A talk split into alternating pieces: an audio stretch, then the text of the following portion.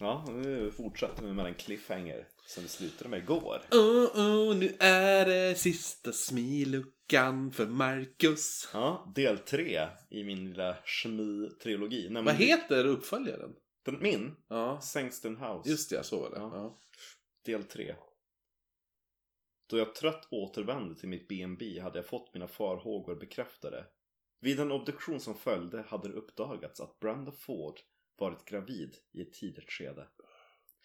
Jag hade stannat för att studera dagboken vidare men inget mer om Brenda stod att finna. Men framför mig kunde jag, som om det vore en film, ana det som utspelat sig. Det hade lekt deras variant utav kurragömma och i mörkret hade de sökt upp varandra och Brenda hade sett sin chans att berätta om vad deras relation hade lett till. Ett barn. Men hennes död var det en olycka. Vad hade hänt? Dagboken hade visserligen försett mig med svar men tillika fler frågor. Min vidare forskning av dagstidningarna hade avslöjat att Brenda Ford begravts på kyrkogården i hembyn Horsham. Hersham. Det var inte långt bort och jag beslöt mig för att vid första bästa tillfälle bege mig dit. Vad skulle jag finna där? En gravsten? Jag visste inte varför men önskan att stå inför hennes grav var överväldigande. Jag kände mig plötsligt delaktig, som om det vore en vän eller en släkting jag förlorat och vars grav jag nu behövde uppsöka. Däremot tog det ett par månader innan jag kunde ta mig till Horsham. Studierna höll mig fast vid universitetet på veckorna och studierna tvingade mig till böckerna under helgerna. Det var inte förrän vid sommaruppehållet som jag kunde ta mig den tiden som jag behövde för att i lugn och ro besöka staden. St. Mary's Church var en vacker kyrka med anor från 1200-talet men som under årens lopp byggts ut och renoverats efter var epoks rådande ideal. Byggnaden som mötte mig var en tilltalande nygotisk skapelse i vars omgivning en liten kyrkogård stod. Det var idylliskt men visade sig inte vara den platsen för Brenda Fords grav. Prästen som jag mötte och som var mycket vänlig informerade mig att kyrkogården hade, hade över 1100 gravar och hade blivit alldeles för trångbodd. Det var därför en nyare kyrkogård hade byggts. Den Cemetery, öppnad 1881, bara ett stenkast bort.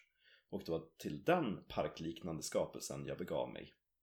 Beskrivningen av gravens position var vag, men tid och tålamod var något jag var van vid och började därför systematiskt vandra förbi gravstenar och monument. Det hela tog lång tid för jag blev ständigt distraherad då snart något bekant namn i form av författare, poeter, borgmästare eller adelsmän dök upp och jag tvingades påminna mig om varför jag hade kommit dit. För Brenda Ford. Hennes grav låg i slutet av en rad, ganska nära den omringande muren.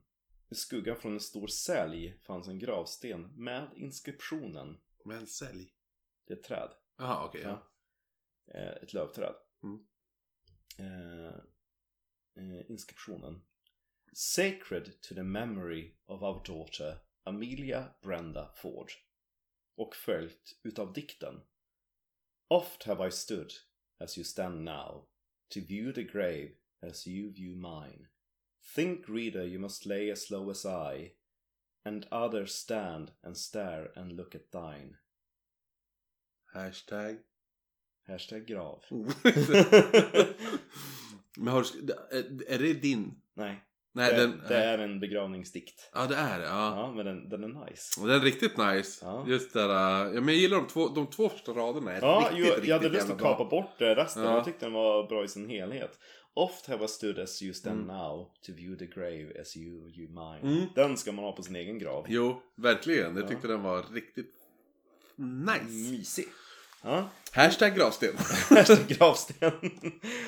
Orden fick mig att rysa. Det var som om Brenda hade förutsatt att det skulle komma en tid då någon, jag, skulle komma att uppsöka hennes grav. Jag tog av min hatt, böjde mitt huvud i respekt innan jag nedlade den blygsamma bukett blommor jag medtagit. Det var det enda som låg där på den nu överväxta graven. Brenda Ford, vila i frid med ditt barn. Jag kände mig så löjlig och med en såg jag generat upp för att se om det fanns någon betraktare där. För det var något som hade rört sig. Försvunnit bakom en gravsten. Jag stirrade hårt mot platsen men ingen uppenbarade sig. Jag skakade av mig känslan, rätade på mig och begav mig därifrån. Om jag hade besökt graven i ett syfte i att få ett avslut så var det inte det så det kändes nu då jag körde hem igen. Jag har alltid sovit hårt. Få saker kan väcka mig. Utan problem har jag sovit på ett hotell vars källare låg alldeles intill tunnelbanan. Och inte ens åskoväder eller stormar kunde bräcka min slummer. Men den här natten sov jag illa. Det var en obehaglig känsla som infann sig. Helt omöjlig att sätta finger på. Jag hade aldrig känt så förr. Eh, Det bästa sättet jag kunde beskriva det på var som då man sitter i en gungstol och råkar gunga lite för långt Jag trodde du tillbaka. skulle säga och runka. Nej. Mm. det bästa sättet jag kunde beskriva det på var som då man sitter i en, i en gungstol och råkar gunga lite för långt tillbaka. I det ögonblicket man inser att balansen är rubbad och att man kommer att falla. Jag visste inte vad som hade stört mina cirklar men minsta ljud tycktes nu fånga min uppmärksamhet. Sedan så var det en doft, en parfym eller var det blommor? Var fönstret öppet så jag kunde känna häggen utanför? Jag steg upp för att kontrollera, men fönstret var stängt. Då jag stod där så såg jag rummet bakom mig reflektera sig i glaset. Och plötsligt så flimrade ljuset från min nattlampa till som om någon hade gått förbi det. Jag började runt med hjärtat i halsgropen, men det var ingen där. Med djupa andetag försökte jag lugna mig. Det här var inte likt mig. Det var som om jag vore nio år igen, fortfarande mörkrädd. Till och med den tomma dörren till min garderob skrämde mig nu. Irriterad och med en stor önskan om att bara få gå till sängs så marscherade jag genom rummet mot garderoben för att stänga den. Jag var trött på det här. Skolan väntade. Det var just när jag skulle till att stänga dörren som jag hörde det. En röst lika tydlig som den en gång måste ha varit då den var i livet. Smi. Oh.